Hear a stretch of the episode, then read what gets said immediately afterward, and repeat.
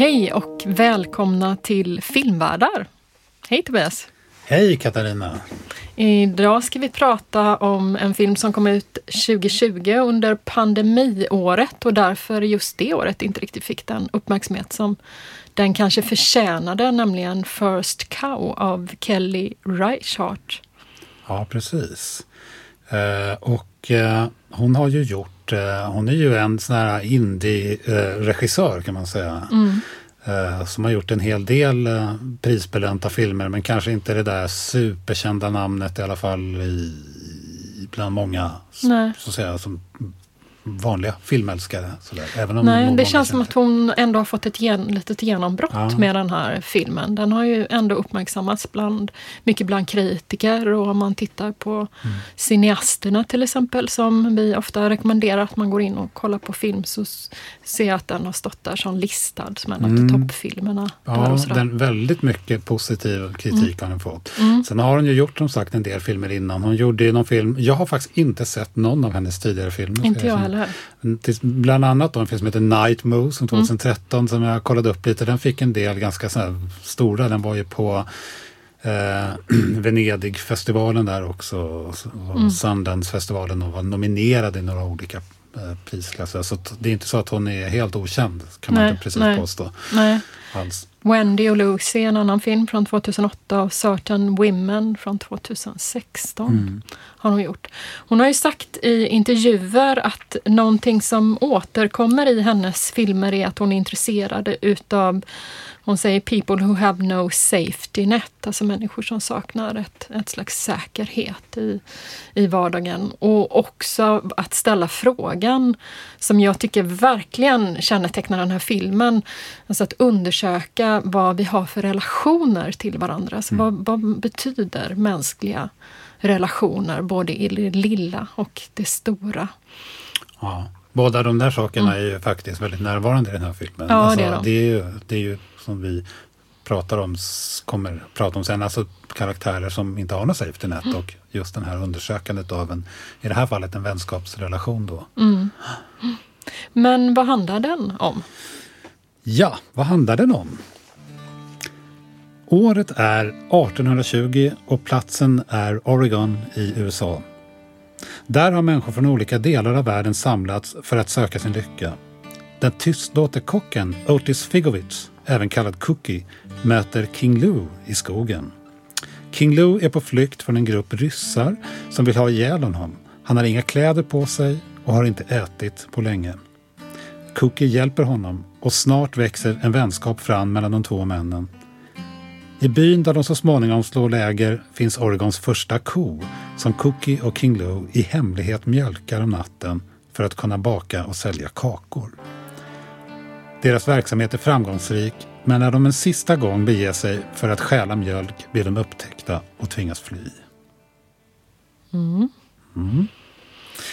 Det är ju en spännande historia det här. ja, det här är en väldigt lågmäld film och det var lite av en utmaning faktiskt att ta ut klipp eftersom eh, den i långa stycken faktiskt är helt tyst. Mm. Eh, och det går ju inte att spela upp i en podd, helt tysta klipp.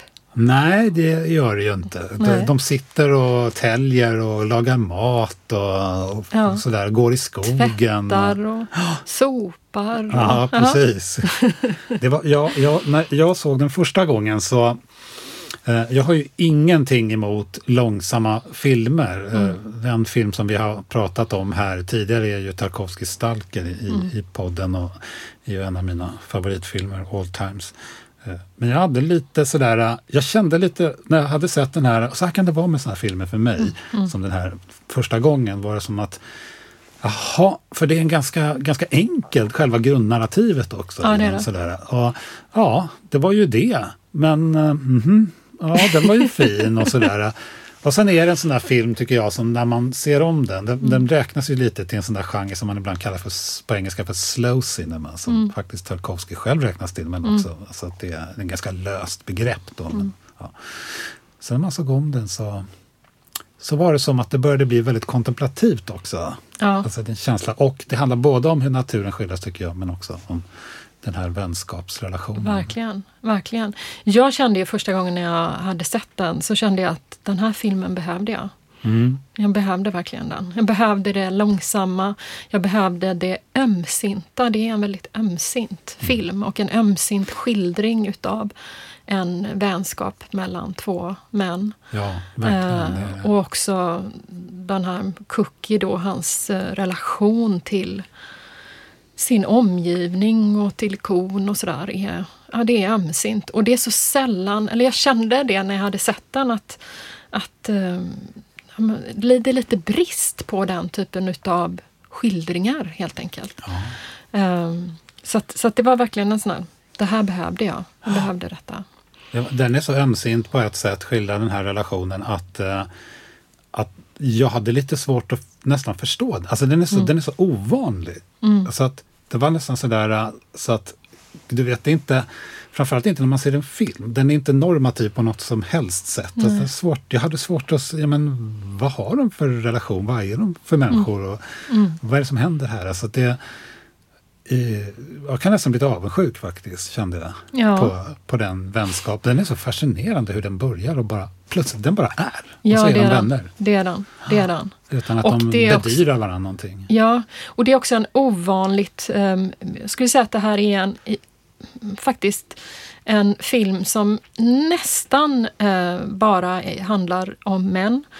Eh, det är några kvinnor med, men de säger ju inte särskilt mycket. Utan det är ju män som tar, i, står i centrum. Men det är också en, en film som är man på ett sätt skulle kunna kalla för feministisk i det att den skildrar en den låter en annan form av manlighet ta plats. Eh, och det känns också ovanligt i det, det sättet den gör det på faktiskt. Och dessutom då att det lite grann då eh, som att det, den är man kan få känsla av, eller konstruera lite som, en, som att det skulle vara någon form av westernfilm. Och den utspelar sig ju då, som vi nämnde i handlingsbeskrivningen, början på 1820-talet. Och, Ja.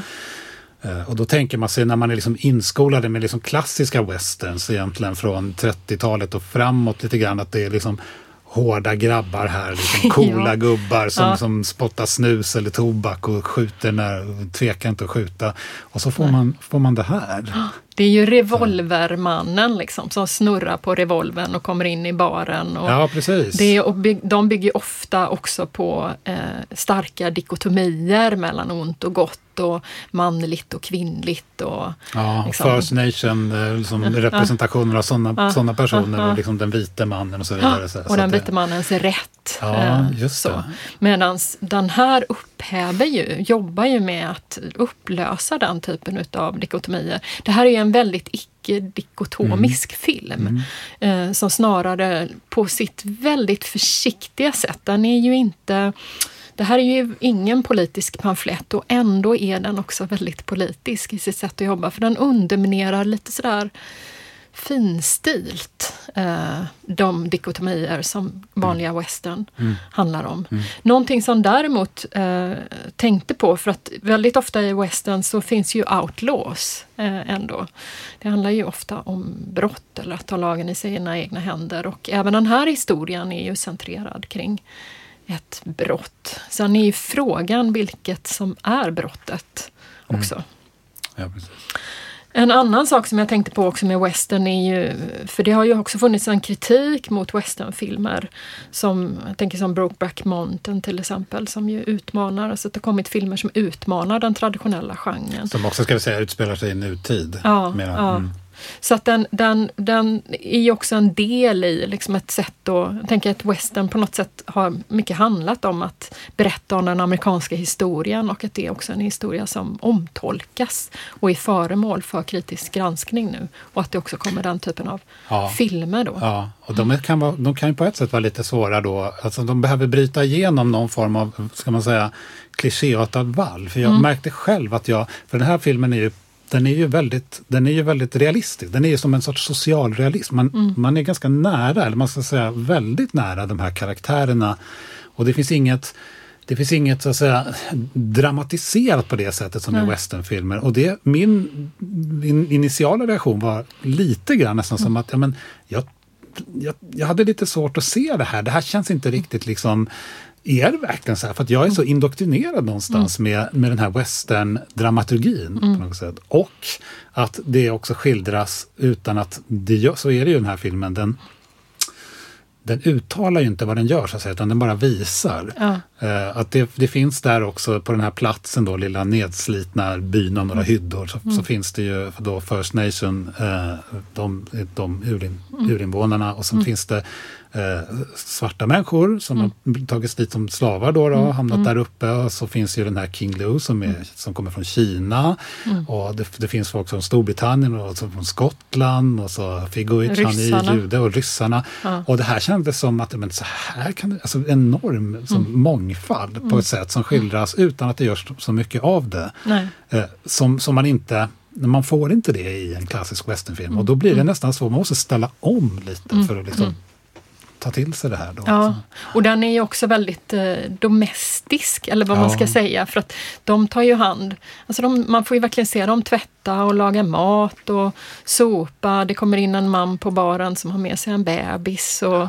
Så att på det sättet så betonar den ju andra sidor. Det var det jag tänkte också med manligheten. det blir liksom ett annat porträtt utav manligheten där den plötsligt är ganska inbegripen i mm. det domestiska görandet, mm. helt enkelt. Som man får vara med på väldigt nära. Ja, precis. När de gör eld och sådär.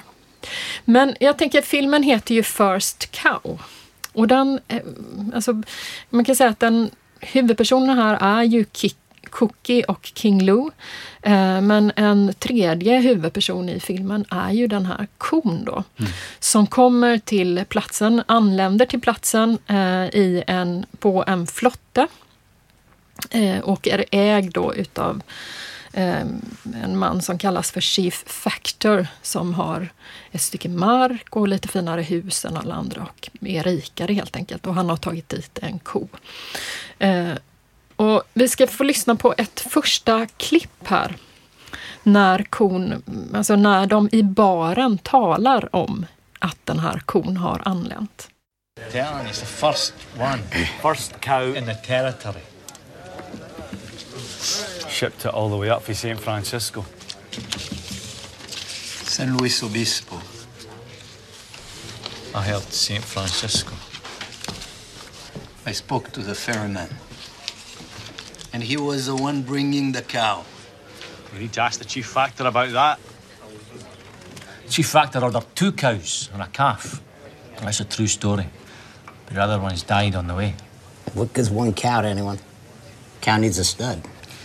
Chief Factor wants milk in his tea.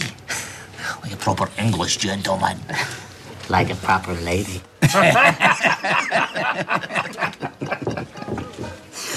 this ain't a place for cows. God would have put cows here if it was. Well, it's no place for white men either, then, eh? Mm. Det är ingen plats för kor här, säger de. Det här är ju första kon då som kommer till den här platsen. Eh, och då är det också någon som kommenterar att i så fall är det ju inte heller en plats för vita män. Mm. Ja, han ska ha kossan för att få lite mjölk i sitt te, mm. den här Chief Factor. Mm. Han, är, han, är ju, han är ju brittisk, eller ja, ja. ja.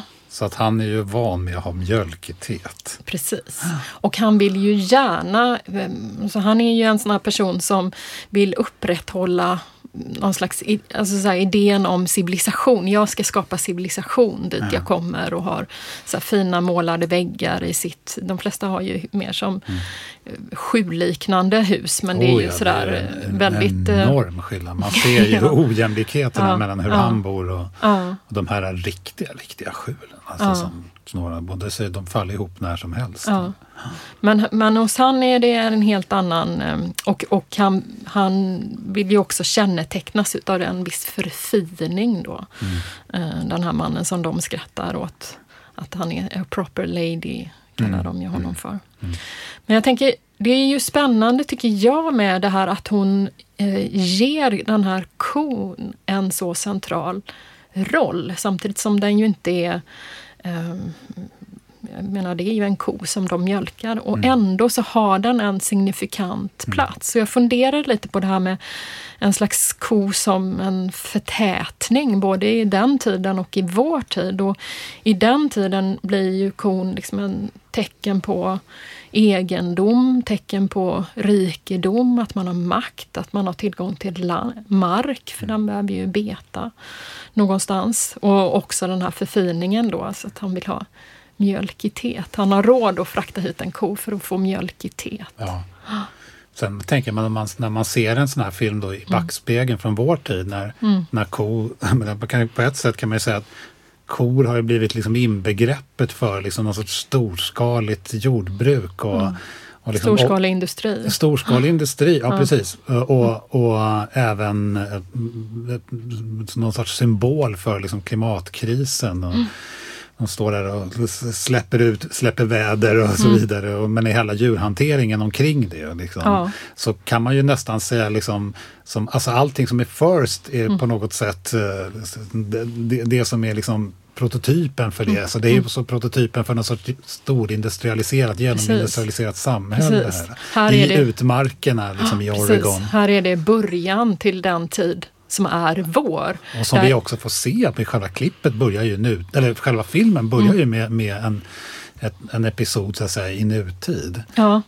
Då ser vi ju en, en, eh, vi ser en, en jättestor container komma. Ja. komma med mängder utav varor. En båt alltså. På, mm. Ja, precis. Eh, ja, en jättestor fraktbåt. Ja, som uh, aldrig tar slut. Tar upp, den tar upp hela skärmen. ja, ja, precis. Så att, så att det är ju, och sen går vi till, är det också en kvinna med en hund som hittar två skelett i marken. Mm. Och det kan vi ju prata om mm. sen på, mm. mm. på slutet. Men den börjar ändå med det här stora containerfartyget. Um, så att det är ju de här fröna till mm. den tid vi lever i nu som vi får se här. Och där ju kon är den här liksom, varan eller objektet eller varan som kan vara så mycket. Både på den här tiden kunde de, de ju också vara arbetskraft, alltså de drog ju plogar. Eh, de kunde förse oss med mjölk, förse oss med kött, med päls. Eh, så att det är ju en sån här vara som kan omförvandlas till många olika ja, saker. Och det är så den här uh, Chief Factor då, för, förvaltaren där, man så kallar mm. det, mm det är ju så han ser också på den här. Mm. Han, han, har ju flera så att säga, sätt att se på narkon mm. som någonting mm. som kan utnyttjas på det sättet som du säger. Men, mm. men också som någonting som ska liksom skilja honom från det här andra packet omkring honom. Så att mm. säga att han är den som har råd med det här och kan visa upp det här. Liksom, ja. Och också få mjölk i teet. Liksom. Ja, ja. Uh, men, men, det, det är men det är ju inte, ja, det, mm. Däremot så har han ju inte någon personlig relation överhuvudtaget. Så att den är ju bara för... Nej. nej. Ja, men om vi ska gå över då till när Cookie och King Lou möts första gången.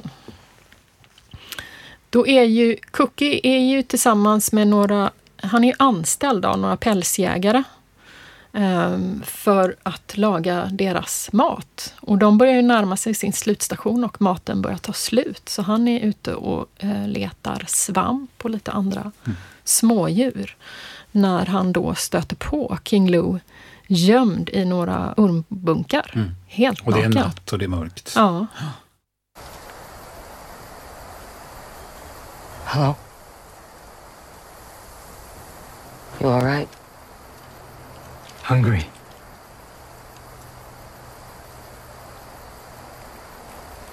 Your cook has retired for the night. I don't think so. You could call him here for a moment?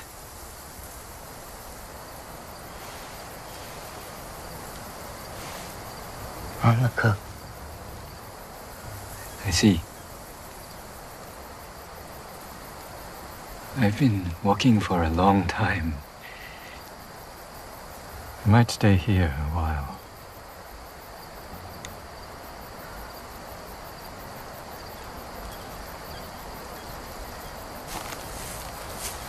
Wait.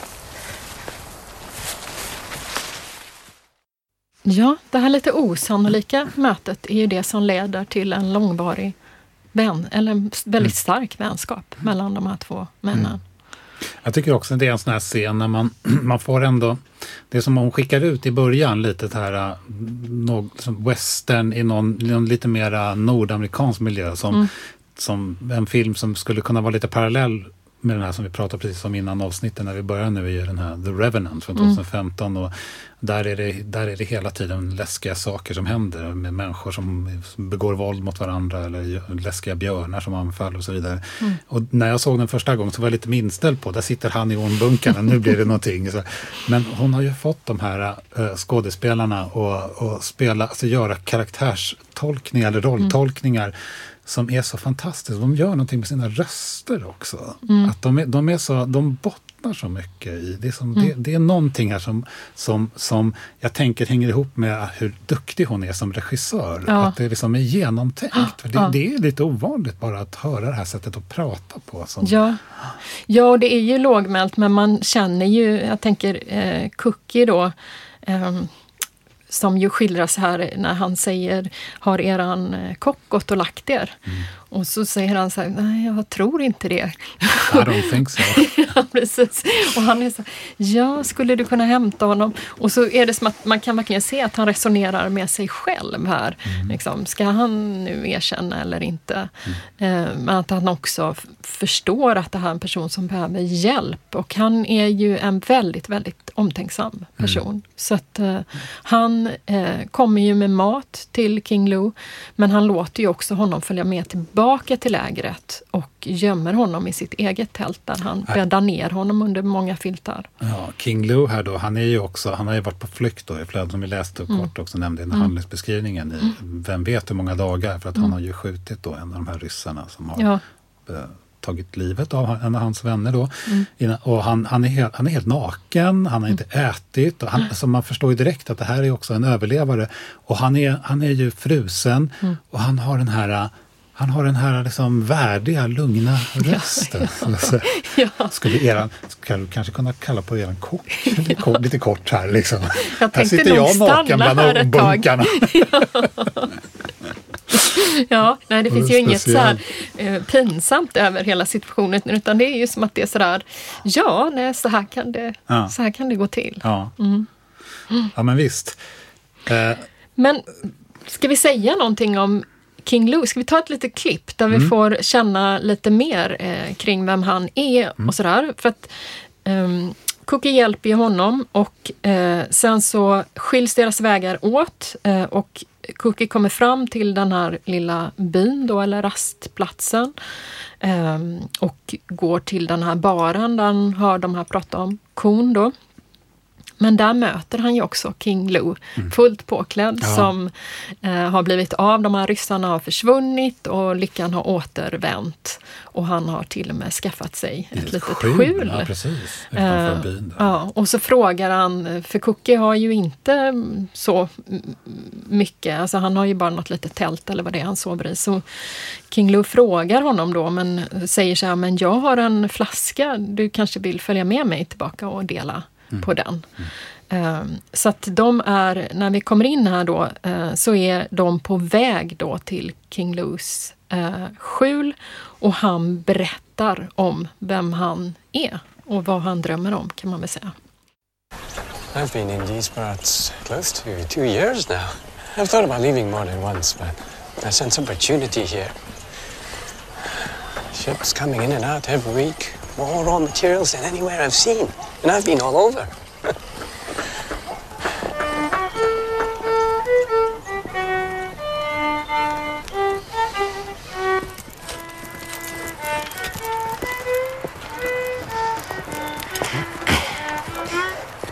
Been everywhere. I caught my first trade ship to Canton when I was nine. From there, I sailed to London, Africa, saw the pyramids. This is a land of riches, I tell you.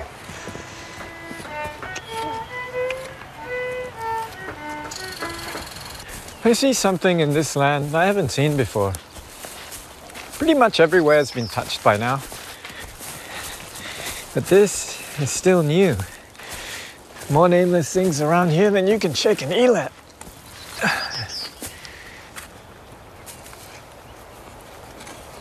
Doesn't seem new to me. Seems old.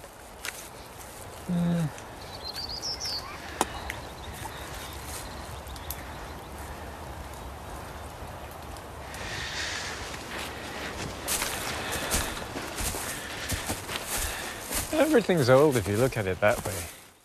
Ja. That way. ja. Vad, vad är det för vänt? Men han är, ju spä, han, är ju, han är spännande den här King Lou. Mm. Också för vi har redan pratat om hans, hans vänliga och väldigt milda framtoning. Men han är ju också väldigt, han är sån så här, han har en entreprenörsanda som, är, Verkligen. som man liksom sällan ser på film. Ja. En oerhört... eh, Och han är ju också någon slags överlevare, får man ju ändå säga. Han beskriver är ju här att han har varit på resande fot sedan han var nio år gammal. Han kan prata flera språk eh, och har ju rest över hela världen.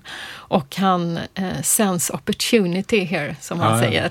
Här, här har han möjlighet att göra någonting av sig. Och det är ju väldigt, alltså han är ju någon slags så sinnebild av liksom den här som, som, som förkroppsligar den amerikanska drömmen på något sätt. Han vill komma till USA för att göra sig, gå in i handel och göra sig bli någonting. Liksom, förändra Alltså- sin livssituation. mycket, alltså majoriteten av hans taltid så att säga, när, i den här filmen när han Mm. pratar är ju, tas ju upp av olika resonemang om hur man kan bli rik på olika saker. Med sälja nötter eller bäverolja och så vidare. Men, Ja. Och vissa affärsidéer har han skrotat för han har insett att de inte har funkat. Mm. Och han har ju helt ärligt inte kommit så långt än. Han har ju Nej. Mm. lyckats, det är ju fantastiskt att han var från att han var naken där till att han har hyddan. Men den kanske han har haft innan för han hade varit där i två år.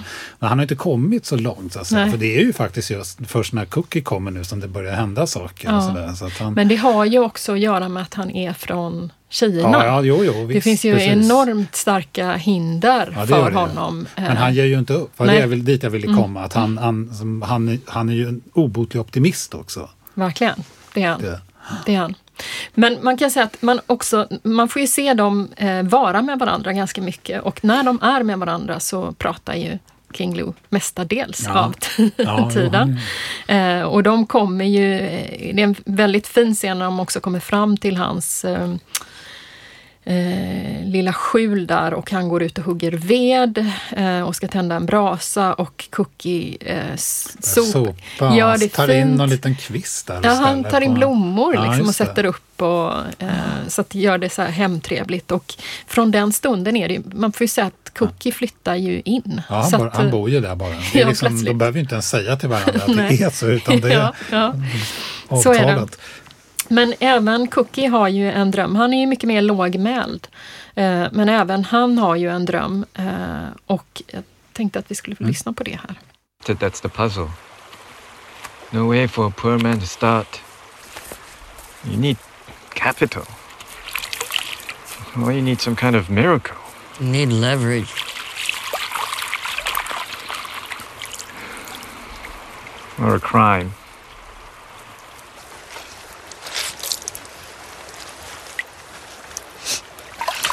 Like to open a hotel someday. Place for travelers. Or a bakery.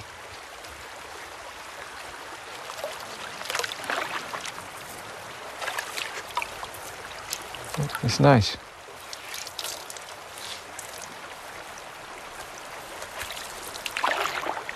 A hotel and a bakery. With wild huckleberry pies. You could do that here. Someplace warmer.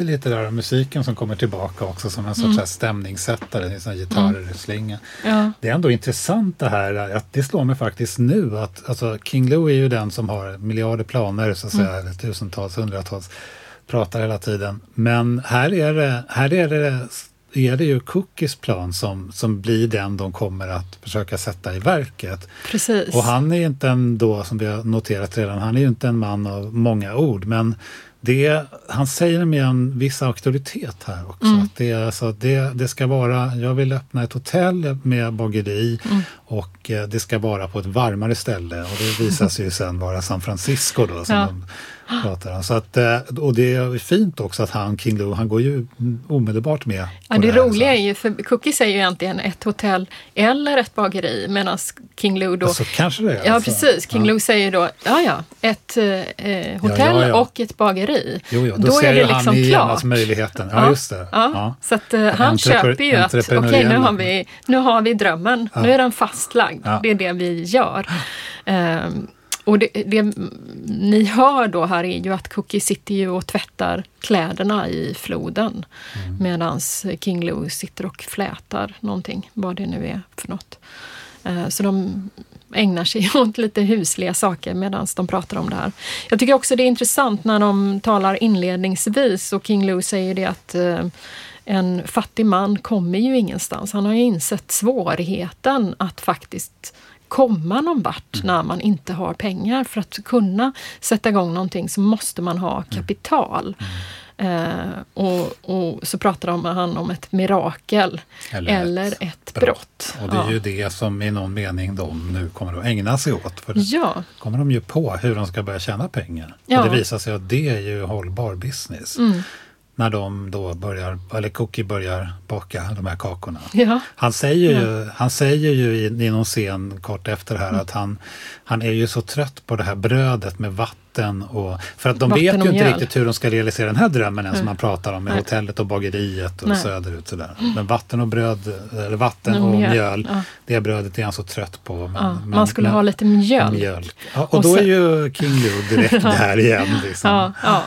Ja, ja. De har ju sett den här kon då, så att eh, eh, då tar det, det är ännu ingen plan på att göra en handel utav det, men de Nej. bestämmer sig för att gå dit och mjölka kon så att Cookie kan få göra de här Mm. kakorna äntligen då. Och här finns det ju en scen som är, jag tror redan när man ser filmen första gången så fastnar man mycket för den här scenen. För det är när Cookie då kommer fram till den här kon för att mjölka den. För den säger både väldigt mycket om vem Cookie är, men jag tycker, tänker också att den säger ganska mycket om vad hon vill göra med den här filmen och kons betydelse i filmen. Sorry about your husband. I heard he didn't make it all the way. And your calf. It's a terrible thing. Terrible.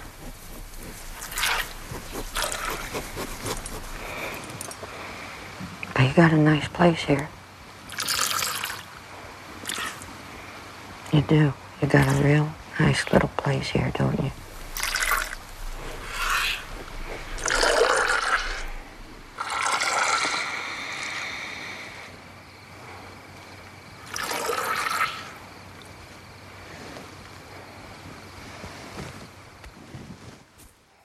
Den här, det här är intressant scen också, för den tycker jag, eller det, så blev det för mig lite när jag såg den första gången, blev att den ställde mig som åskådare lite i, i någon sorts eh, självreflektion.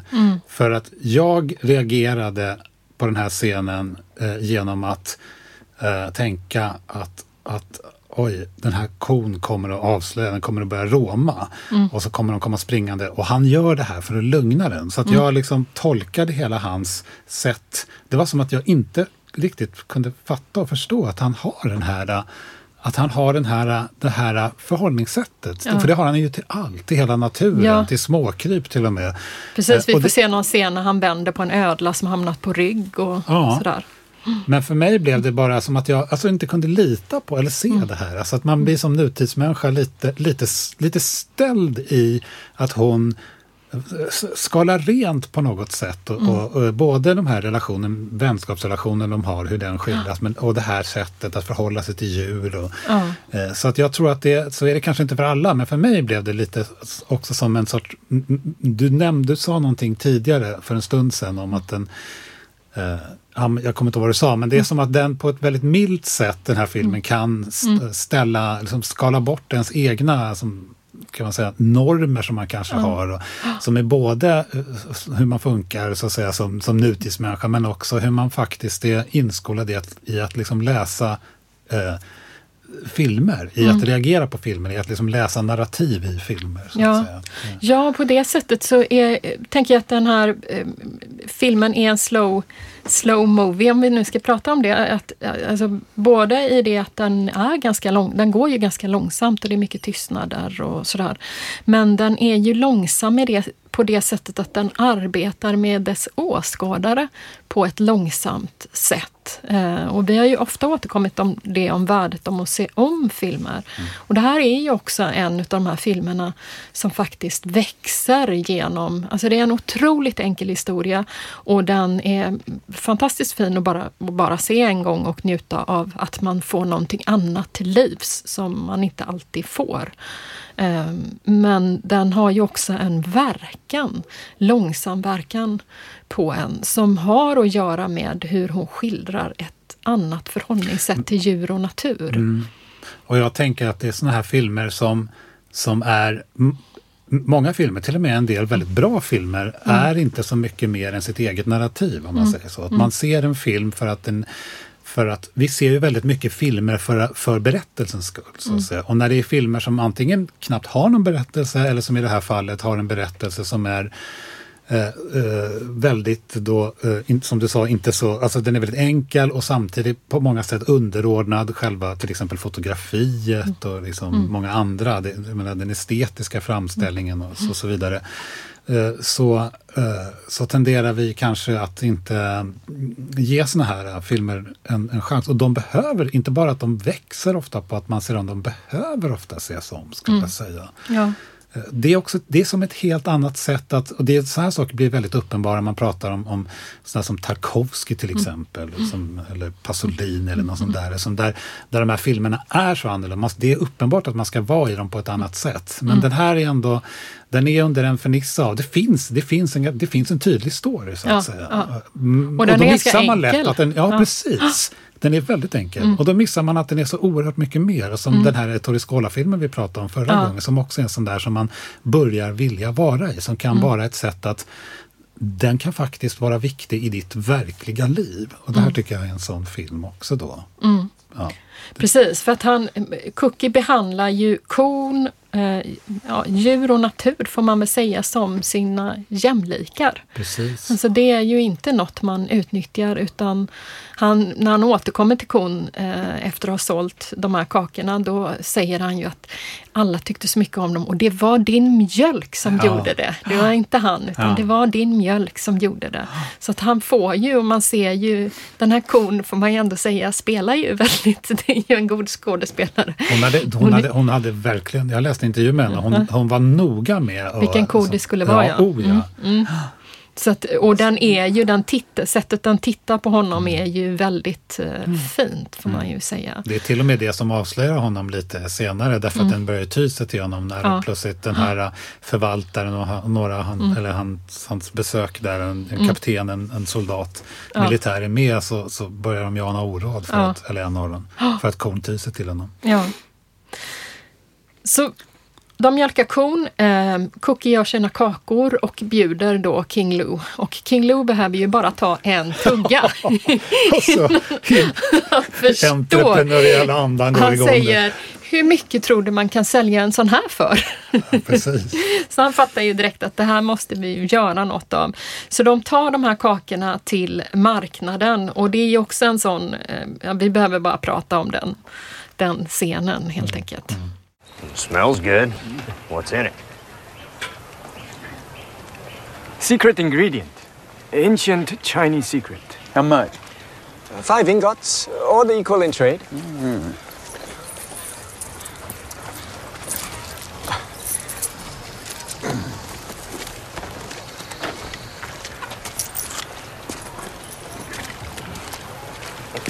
Good Lord, give me another.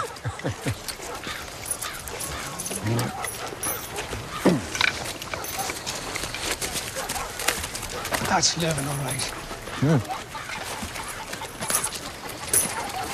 I'll give you six ingots for that last one. Uh-uh. Seven shells. Come on. Seven shells, one ingot. What? What? Hold on.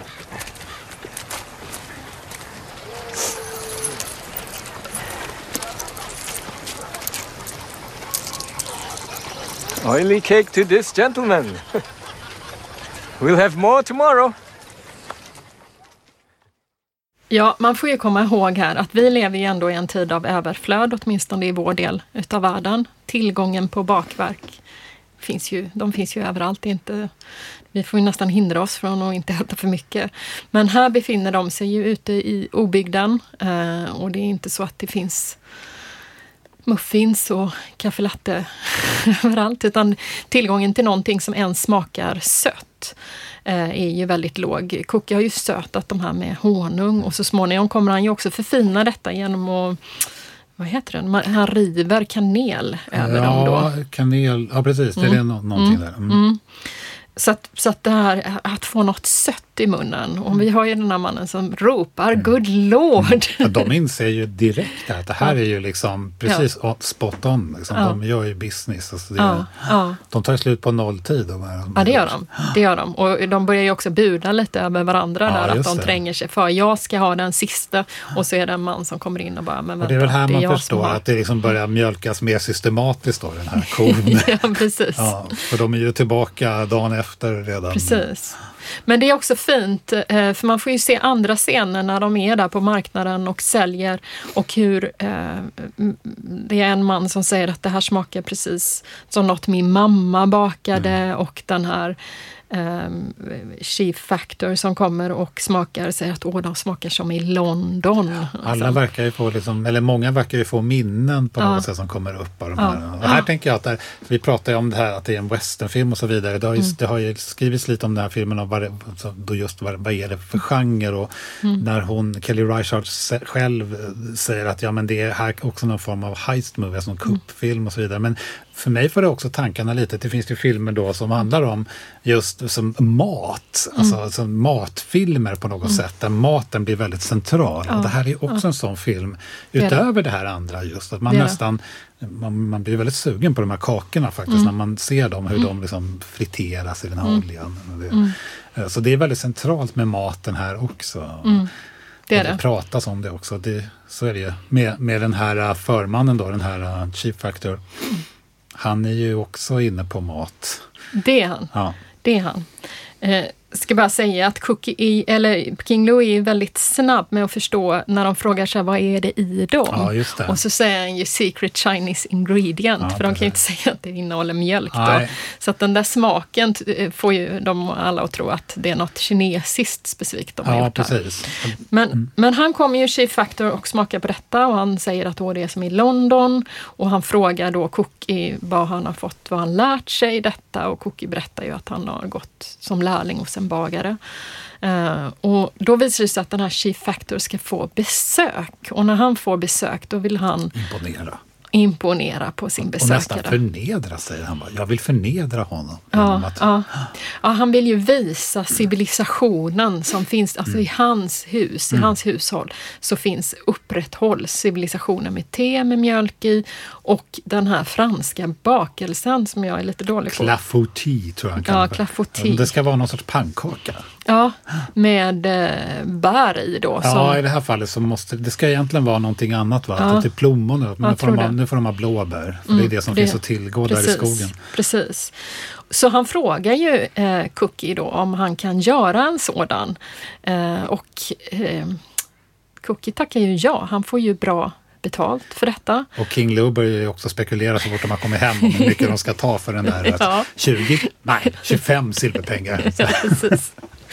Så att de får ju gå dit och då mjölka Chief Factors ko för att kunna göra den här bakelsen Här till ska man honom. också säga att de är ju lite oroliga för att eh, han Chief Factor där ska ska faktiskt märka att det är mjölk i, i det här. Liksom. Ja, Så att och man förstår ju inte diskuterar ju lite om när, Ja. hur länge ska de hålla på. Ja, och man fattar ju inte hur dum han är. Alltså han beställer ju ändå ett bakverk som per definition innehåller mjölk. Och han har den enda kon i området. Ja, ja, det är faktiskt ganska korkat. Extremt korkat. Ja, han förstår ju, fattar ju ingenting kan man väl säga. Men de kommer då, eh, eh, han har tagit emot den här gästen som är någon kapten på ett stort fartyg. Eh, och bara för att ställa, vi hörde när Cookie talade med kon eh, och för att ställa det i kontrast då till Alltså kontrasten kan man säga mellan det perspektiv som Cookie representerar och det perspektiv som Chief Factor representerar till sin omvärld. Ska vi höra en diskussion då mellan den här Chief Factor och den här mannen som är på besök. Och han har berättat att han någon i besättningen på fartyget. Jag vet inte vad det är riktigt som har hänt, det förtäljer inte riktigt historien, men han var tvungen att bestraffa honom. Och de diskuterar karaktären på mm. den här bestraffningen. Och man får ju se då också eh, Cookie och King Lou komma mm. gående genom fönstret med den här kakan. That sounds like quite a situation indeed. And in the end, how many lashes did you order? Twenty. Hmm. A fine number, but for mutiny. It was a memorable day for that man. It seems conservative. More than 20 and he would have been useless for the remainder of the voyage. And he was a young hand? Mm, not so young. Ah. Here is the rub, you see. When one factors the loss of labour from the punished hand versus the gain of labour from those hands who witness the punishment, a stricter punishment can be the more advisable path. Even a properly rendered death can be useful in the ultimate accounting. It is a highly motivating spectacle for the indolent, let alone the mutinous.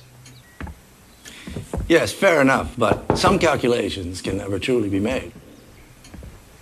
Now, there you are wrong, Captain.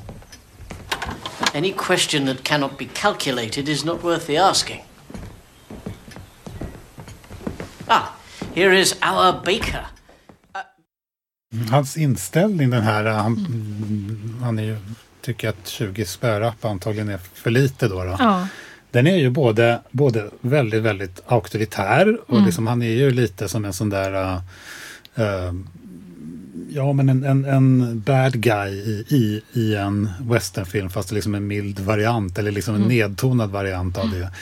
Eh, samtidigt så är den ju också, den är ju väldigt kapitalistisk på ett sätt. Ja. Alltså det, för det, är ju- det här är ju en väldigt, han har ju väldigt instrumentellt resonemang. Alltså att människor är någonting som, ja men deras liv kan till och med offras om du, om du liksom ökar produktiviteten så att säga. om precis. de andra jobbar bättre. Ja, så ja. iskallt, eh, som ra, kall rationalitet. Precis, han, han, han menar ju att man ska göra en, en kalkyl mellan vad han kallar då loss of labor eller förlust av arbete.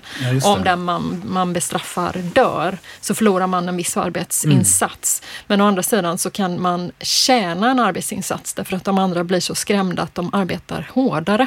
Och det här är en kalkylering man behöver göra. Det är så sorts urartad nyttomaximering här. alltså. Verkligen, Och, verkligen. och, som man, och som man behöver göra och som man gör utan, utan att tveka. Man Mm. tänker att han gör det också i, i vilket, i, menar, där det behövs så skulle han göra det så att säga. Han, Ja. han bryr sig inte om och det visar ju också att han har en syn på mindre bemedlade människor omkring sig och djur och naturen på något sätt som Verkligen. någonting som inte bekommer honom. Nej men det är ju objekt till för hans nyttjande. Mm. Alltså de finns ju där för att han ska kunna använda dem. Så Mm. att det är ju en väldigt så här, tydlig klassscen här Mm, också. det det. För här kommer ju de också med sin eh, bak, eller bakverk som är gjord på den stulna mjölken. Fast det förstår han inte trots att han står där och faktiskt sekunderna efter där när de har bjudit in dem berättar att eh, hans ko ger inte särskilt mycket mjölk. Men det här tycker jag också är intressant med, med den syn på kapitalism som Mm. kommer fram i hennes film. Där det här Mm. är ju en, en extremkritisk fast samtidigt väldigt, väldigt liksom subtilt och välskildrad kritik då. Mm. Eh, och samtidigt så har vi King Lou som också är någon sorts proto-kapitalist och liksom du pratar om den amerikanska drömmen. Men, som, men hans projekt och hans, hans eh, så att säga, ambitioner och idéer skildras ju inte på något sätt som, Nej. som någonting osympatiskt. Utan alltså, så här finns det ju en, en, som jag kan tycka är en ganska intressant och sympatisk liksom, mm. äh, distinktion hon gör mellan den typen av kapitalism som är ett rent utsugande och som är som avhumaniserande mm. och den typ av liksom, längtan till att ändå att människor har en längtan till ett bättre liv. Mm. Och som, som, jag menar, som om det skulle finnas någonting som är bra med kapitalismen så skulle det vara människors längtan. Alltså det, den längtan finns ju inte bara i kapitalismen, så att. Mm. den finns överallt. Men alltså den, och att hon faktiskt inte sammanblandar det här så mycket. Utan han får Nej. ha den här... Han, han, han, det hade varit lätt att framställa han King Lou också som någonting som hade varit en, en som är någon form av symbol för, för något som kommer att bli dåligt sen. Så att säga. Men ja. det tycker jag faktiskt inte hon gör här. Nej, han är ju också, eh, King Lou är ju väldigt medveten om de nackdelar man har så som fattig mm. och så som eh, alltså kommande från Kina då som han har emot sig. Han har ju förstått att han måste lära sig andra människors språk mm. eh, och han, måste, han förstår också att man måste ha någon form av startkapital. Mm. När Cookie inte vill fortsätta det här mjölkandet utav kon så, och säger men vi har tillräckligt med pengar, så säger King Lou ja men vi har tillräckligt med pengar för att resa, ja. men vi har inte startkapitalet. Alltså man måste ha en grundbult.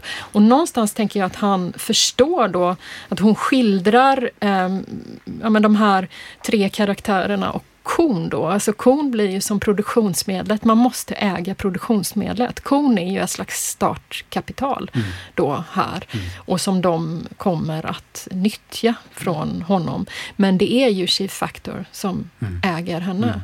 Um, och den amerikanska drömmen är också drömmen om att göra en klassresa, alltså att lämna tillståndet av att vara fattig och exploaterad av andra för att kunna ha makten mm. över sitt eget liv. Mm. Men det, jag tycker också hon skildrar det, alltså det är ju så lågmält, fast väldigt effektivt genom den här filmen. Att hon liksom lyfter fram olika sätt att förhålla sig. Om jag går tillbaka till det hon sa där, ehm, alltså att, att hon är intresserad av att skildra eh, hur, vi, hur, hur, våra sociala relationer ser ut. Så kan man säga att här, här har vi exempel på eh, alltså den här vänskapen mellan Cookie och King Lou som är en form av relation eh, och den här Chief Factors sätt att se på andra mm. människor. Ja, verkligen. Mm. Ja, det är hon väldigt skicklig på. Det, det, och det gör ju all skillnad i världen. Så att ja. säga. Alltså det är det hon lyfter fram så mycket, att, de, att man har en relation till och mm. att man inte skiljer på vad, att man, man kan inte ha en relation så att säga, till människor och en, och en annan till naturen och djuren, utan det, liksom, det följer med. Ja. Och det skiljer hon ju så bra, att det här är människor som faktiskt finns och, och i samklang med sin med andra människor och, så att säga, mm. och, och med, om, med omvärlden. Medan han, den här uh, Chief Factor då, som vi kallar honom då, uh, han, han är ju helt, att utan att hon gör egentligen så mycket av det, så, så är han ju, förutom att han äter kakan då och mm. plötsligt minns ja. det här liksom London uh, och konditoriet eller vad det är, mm. så är han ju, han demonstrerar ju väldigt tydligt att han är han är ju som väldigt alienerad så, från mm. sin, och det är också nästan ja. förutsättningen för att han ska kunna kalkylera på det, på det iskalla rationella sätt han gör också. Ja, så är det. Ja, Cookie anar ju oråd, för de går ju ut, eh, den här Chief Factor vill ju visa upp den här kon eh, och eh, de följer med och kon tyr sig ju till Cookie. Mm. Och han är ju väldigt orolig för att de ska bli avslöjade och det är ju då King Lou eh, ändå insisterar på att de ska fortsätta eftersom de just har pengar för att resa men inte ett startkapital. Mm. Så att de behöver liksom fortsätta en gång till. Men när de är tillbaka på plats eh, natten därpå så blir de ju då upptäckta. Mm. Och man har ju ändå förstått eh, att den här chief factor i hans lilla tal där om att 20 rapp är inte nog utan det skulle vara dödsstraff. Att han inte kommer se lätt på detta. För det är ju också så att han har ju på ett sätt blivit förnedrad i sitt eget hem. Han mm. har ju alltså serverat en, ett bakverk som var gjort av stulen mjölk och det är mm. mjölk som är stulen utav honom. Och, och gjorts till åtlöje också ja. inför den här kaptenen ja. som han har så mycket som någon form av liksom konkurrens med och som Precis. imponerar på. Så, Precis. så han blir faktiskt rosenrasande. Ja, det blir och han. så jag börjar de att jaga Cookie och King Lou då. Ja, och de hamnar ju ifrån varandra. Mm. Eh, Cookie skadar också sitt huvud. Den Ganska måste... svårt. Ja, precis. Eh, men sen så eh, återträffar de varandra vid den här skjulet. Jag måste bara säga, bara skjuta in här, alltså, så att för lyssnaren, för det är många säkert som inte har sett den här filmen, att mellan då, när han har skadat sig så är det en fantastisk scen när man ser att Cookie vaknar upp i en annan stuga i en säng.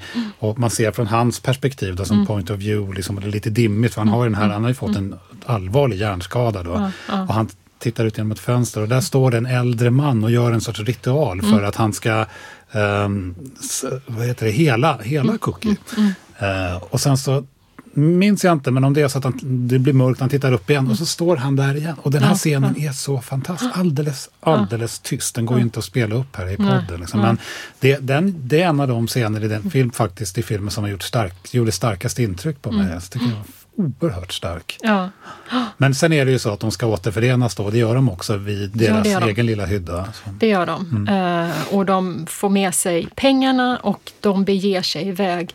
Men Cookie orkar ju inte gå så långt. Han blir ju sämre enkelt. och sämre. Är, ju- Ja, så att han bra. säger att han måste vila och lägger sig ner. Ehm, och man kan se att eh, King Lou eh, rådgör lite med sig själv. Och ni ska då få lyssna på den här sista scenen som utspelar sig mellan de två.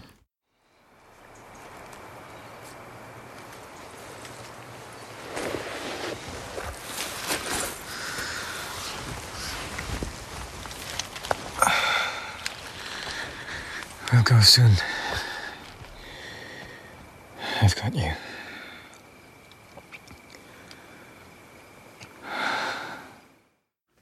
Ja, där hade vi kanske det kortaste klippet i våran poddhistoria hittills. Ja, svårigheten med det här klippet är ju att eh, eh, de har ju ett litet samtal. Eller Ja. Cookie säger ju att han behöver lägga sig ner och King Lou säger att här har vi den, liksom, här, här syns vi inte och sådär.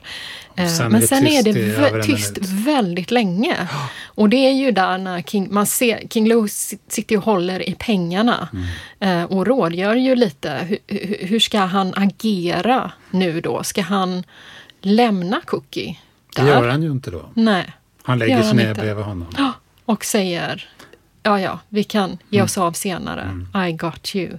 Och så zoomar det väl upp lite kameran. Man ser att de, de ligger där och då, Mm. Ja. då ser man ju att det är exakt samma positioner som skeletten som hittas i, Hittas början. 200 år, år senare, senare. i början på filmen. Ja, för där är det ju, om man ska säga det lite mer detaljerat, är det ju att filmen ju börjar med det här containerfartyget Mm. som kommer körandes väldigt långsamt. Och det är en kvinna som är ute och går med sin Mm. hund längs med den här flodens eh, kant. Precis, det har vi Eh, faktiskt inte sagt. Nej, nej. Och hon hittar de Ja, här hunden börjar gräva någonstans Mm, precis. eh, och så Ja, de gräver de upp frilägger dem. de skeletten. Ja, så ser och man, de, man samma- ser två skelett som ligger bredvid varandra och det ser nästan ut som att de håller hand. Man är inte helt säker. Nej, men det är- nästan eh, ut. Hur som helst så ligger de skeletten väldigt nära varandra. Och hon har ju inte velat prata om slutet på filmen. Nej. Hon har ju avslutat intervjuer hela Mm. tiden. Där folk Mm. tycker den är mystisk. Men vi har ju en idé om att det faktiskt är så att det är en ung kille som vid något tillfälle när de håller på och säljer sina kakor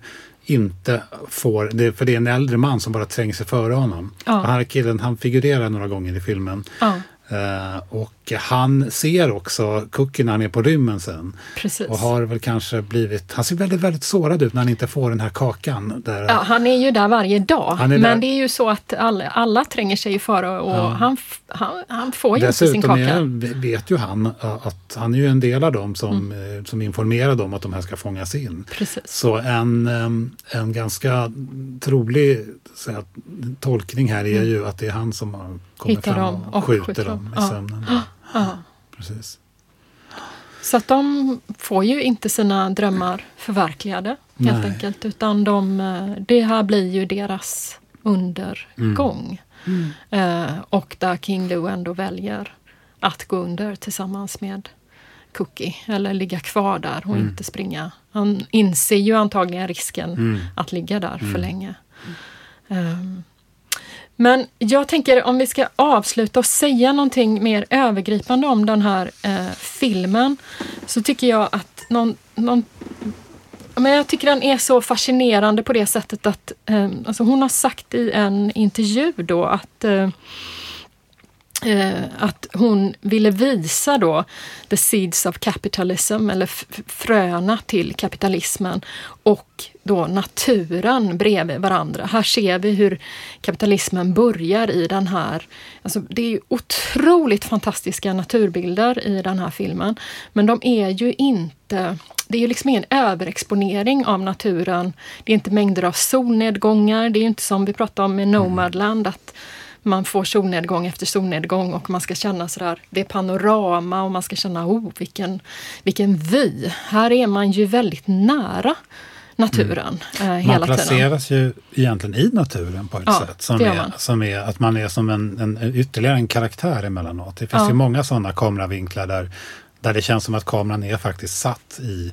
Alltså man ser dem komma gående bakom ett träd och det är mycket liksom, det är ju den här höstliga på något ja. sätt, tunga. Ja. Man känner nästan doften av det. Så ja, är det är ju nästan som en sån här sen, alltså sensorisk film. Ja, För det är ju som att man nästan tror att man känner jorddoften och svampen precis. och den är väldigt sinnlig på det sättet. Men, men eh, liksom hon ville visa de här två sakerna bredvid varandra och, säger hon då i en intervju, och ställa frågan, kan de här två sakerna coexist eller samexistera? Eh, och på ett sätt kan man ju säga att den här, eh, alltså så som den här filmen talar till oss i nutid, är ju att visa de här fröna till kapitalismen så som ett sätt att inte förhålla sig till naturen. Alltså att man ser naturen, man ser andra människor, naturen, djuren som objekt som ska exploateras. Och det är ju i allra högsta grad, alltså, eh, precis som du pratade om tidigare, nötkreatur. Mm. Man till och med pratar om nötkreatur, men den, dess industri mm. är ju ett utav mm. stort klimathot idag och de mm. enorma liksom landområden som behöver tas upp för att producera och mycket vatten och sådär som behöver mm. för att producera kött och hur kött också färdas från mm. Argentina. Alltså vi kan ju gå ut i affären och köpa en biff från Argentina mm. idag. Eh, som ju också är de här stora container, alltså frö till kapitalismen. Vi ser den här kon färdas på eh, floden och sen ser vi det här stora container. Alltså nu är det inte en ko, mm. utan nu är det en container som skeppar varor från hela världen. Mm. Och det är ju något, å ena sidan något fantastiskt, att vi liksom kan ta del av varor från hela världen. Å andra sidan så eh, vet vi ju idag att det också leder till en klimatkatastrof. Mm. Alltså vi kan ju inte leva, fortsätta konsumera och Nej. leva på det sättet som vi gör nu, med den inställningen till djur och natur mm. som vi har. Nej men precis, så att det den typen av kapitalism så att säga som blir, som blir otyglad, som blir som, vad säga, om transformeras till någon mm. form av så att säga, till slut marknadsfundamentalism och som mm. globalism som är, som är så att säga, inte bara kapitalism längre utan helt, som, helt utan gränser. Den mm. är ju inte förenlig då med mm. naturen. Alltså jag tänker men, ju men, bara, men jag tänker också, jag skulle säga någonting om den här filmen. Mm. som, som film. För att jag tycker att den, den är så man, det, det, det, kan vara lite intressant att jämföra den med en film som Nomadland. För mm. att den är, den är oerhört mycket mindre uttalat så att säga, politisk eller kritisk. Mm. Utan den är först och främst film. Eh, mm. och just detta är det som gör att, att uh, den också är så trovärdig skulle jag säga i, ja. i den mån den har en kritik. För det, den, den, är, den kanske har mer, för mig kanske den har mer så att säga en just att den ställer en så väldigt tydliga, som du formulerar så bra, liksom en kritisk mm. fråga så att säga, än att den är en omedelbar kritik så att säga, av kapitalismen. Men den har inte det här sättet att liksom skylta med sin, sin kritik som mm. Nomadland har, som samtidigt som Nomadland då är en film som är djupt problematisk som vi var inne på den ja. gången, hur, de, hur man liksom skritar över det här med Amazon och, så, och så vidare. Uh, och, och, det är lite synd ibland att sådana här filmer, för att det här är en film som inte den, den vill inte vara mer än vad den är, så att säga. Den, mm. den liksom, hur det man säger på engelska, de, alltså, den bär inte liksom eh, hjärtat utanför, så att säga, utan den är, den är äkta rakt igenom på något sätt och den är film. Eh, Och därför är, det, därför är det synd, tycker jag, lite grann att en sån här film som Nomadland kan bara gå ett sånt segertåg över världen. Och all, alltså, den tycker jag att den kan vara fin och bra på vissa sätt. Då. Mm. Men att en sån här film hamnar då, eh, även om kritikerna har varit positiva, så att säga, lite i skymundan. Ja, ja. Verkligen, för den är ju otroligt eh, välgjord på så många sätt. Och jag skulle ändå vilja säga att, eh, kanske i, i, i kontrast till dig då, jag vet inte, men, men att vad jag tycker hon visar är ju de här fröna till kapitalism som hon talar om, är ju inte den förvrängda utan att det är så kapitalismen fungerar, alltså att den objektifierar människor, djur och natur och det är liksom det som är grunden för den. Ehm, och att vi, den inte kan ko eller samexistera då med naturen. Men jag funderar lite på det här, eh, vi pratade lite innan om det här alltså stycket från William Blake, om vi skulle avsluta Mm. med det. Därför att den här eh, filmen är ju baserad på en bok som heter The Half Life utav Jonathan Raymond som också har skrivit manus då tillsammans med henne till filmen. Och både filmen och boken inleds med ett citat som kommer från en dikt utav William Blake eh, som går The bird a nest, the spider a web, man friendship. Och hon har också sagt i en intervju att vänskap är Alltså att det här citatet var helt centralt för hela hennes sätt att göra den här Det filmen. märker man ju. Ja, verkligen. Jag tänker om vi bara kunde avsluta med att prata lite Mm. grann om hur vi ser på den här, eh, de här orden från William Blake och dess resonans till filmen. Mm. Ska jag börja? Tobias bara pekade på mig. Ja, jag tycker att det är det. Du ska få göra det. Ja. Ja, jo, för jag tänker ju, alltså så som jag tolkade den här var ju att, eh, alltså att en, en fågel när de bygger de här eh, oerhört komplicerade fågelbonen, det är oerhört komplicerade strukturer kan man säga, eller arkitektur, eh, som en fågel förmår bygga och en spindel förmår av sin kropp skapa de här också oerhört komplicerade strukturerna som är det här spindelnätet. Men att för människan så är vänskap är den komplicerade Mm. strukturen som lägger grunden, fundamentet för det Mm. mänskliga livet. Utan vänskap till varandra så finns det inget Alltså så har Mm. vi inget bo, vi har inget Nej. nät, vi Nej. har ingenting. Nej. Eh, och, och det tycker jag genomsyrar den här filmen på sitt lågmälda sätt och det är också där den blir kritisk mot kapitalismen då på ett sätt. Att den objektifierar människor medan det eh, Cookie och alltså de här människorna som inte har ett safety net, de har vänskapen till varandra och precis som King Louie säger, I got you. Mm. Alltså jag har dig. Mm. Eh, Mm. Och att det är så vi behöver förhålla oss till varandra Mm. och till djur och Mm. natur. Mm. Jo, men alltså eh, en- en långtgående kapitalism avhumaniserar oss, Mm. har en Mm. tendens att göra det så att vi Mm. inte kan ha de här typerna av relationerna Mm. som hon skildrar i filmen. Mm. Mm. Och jag tänker, för, för mig, det är det är egentligen faktiskt en, en variant på det som du tolkar det citatet, Mm. William Blake då. Att det är alltså just att, att eftersom spindelns nät är ju så att säga nödvändig för Mm. spindelns existens Ja. eh, så är vänskapen och den vänskapen som är den, den vänskap som bygger på att man, att man erkänner att man är att man ser en annan människa och finns Mm. där för en annan människa och inte, det finns inte ett element av utnyttjande Nej. eller makt på det sättet. För det som Mm. är så fantastiskt också i deras vänskapsrelation Mm. är ju liksom, och det här är det som gör att, kanske att man blir sådär lite nästan, alltså den, den genomsyras faktiskt överhuvudtaget inte av makt. Nej. Det finns ingen maktrelation där.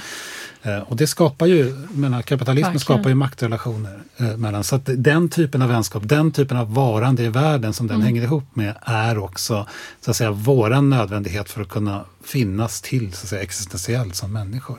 Sen Mm. tycker jag faktiskt att den är intressant på det sättet att hon, jag tycker inte hon dömer, det man säga, men alltså dömer ut alla former av kapitalism så att säga, utan det finns en form av kanske, jag vet inte om man ska kalla det kapitalism, men det finns ändå den här så kallade ändå amerikanska drömmen, ett element i den. Och där blir ju King Lou en representant för det. Att det ändå finns någonting som, eh, hon erkänner individens längtan efter att skapa sitt eget liv. Mm. Och i den kapitalistiska retoriken normalt sett så är det ju där någonting som är till för att på något sätt rättfärdiga så att säga, utsugarbiten av kapitalismen. Så att säga. Mm. Men jag tycker att hon ändå hittar någon sorts väldigt fin balans mellan att kunna erkänna det Alltså att, att det här är någonting som människor bär på sina önskningar. De vill realisera så att säga. Och det ska de få göra. Mm. Sen är det ju, kommer det ju svåra så att säga, till vilket pris då? Hur ska det Mm. få gå ut över andra och inte? Och så vidare. Mm. Men den här väldigt, väldigt råa formen och liksom avhumaniserade formen är, framställs ju också på något sätt, eller den bara, bara, hon bara målar upp den på ett, på ett enkelt sätt liksom, Mm. utan att skriva oss på näsan. Så att Ja. säga. Ja. Ja, det här är ju en film vi verkligen kan rekommendera och det finns mycket mer att diskutera om den och det finns så många små fina scener. Mm. Vi hade kunnat plocka ut, när jag skulle plocka ut förslag så tror jag hade typ 15, fast det är ganska svårt för den är ju tyst mycket. Mm. Ja, precis. Men Jag jag, tror jag hade liksom Alla fina- 15-20 scener Ja. som förslag. Och sen alla fina, alla fantastiska scener som, som, som, som inte går att ha i en podd. Ja, precis. Precis. lite, kanske lite, det lite en- fågelljud. Ja, det är en liten pärla till film som man också kan se på många olika sätt och fortsätta prata om. Men vi ska sätta punkt för Vi idag. sätter punkt för idag och Ja. eh, det är kanske så att det är lite oklart vad vi ska ha i nästa avsnitt. Ja. Så vi avslöjar inte det. Nej, Nej. nej, men det kommer komma ut så småningom. Ja, det gör det. ja. Men eh, tack för att ni har lyssnat idag och tack Tobias. Tack Katarina. Och vi hörs nästa gång. Ja, då.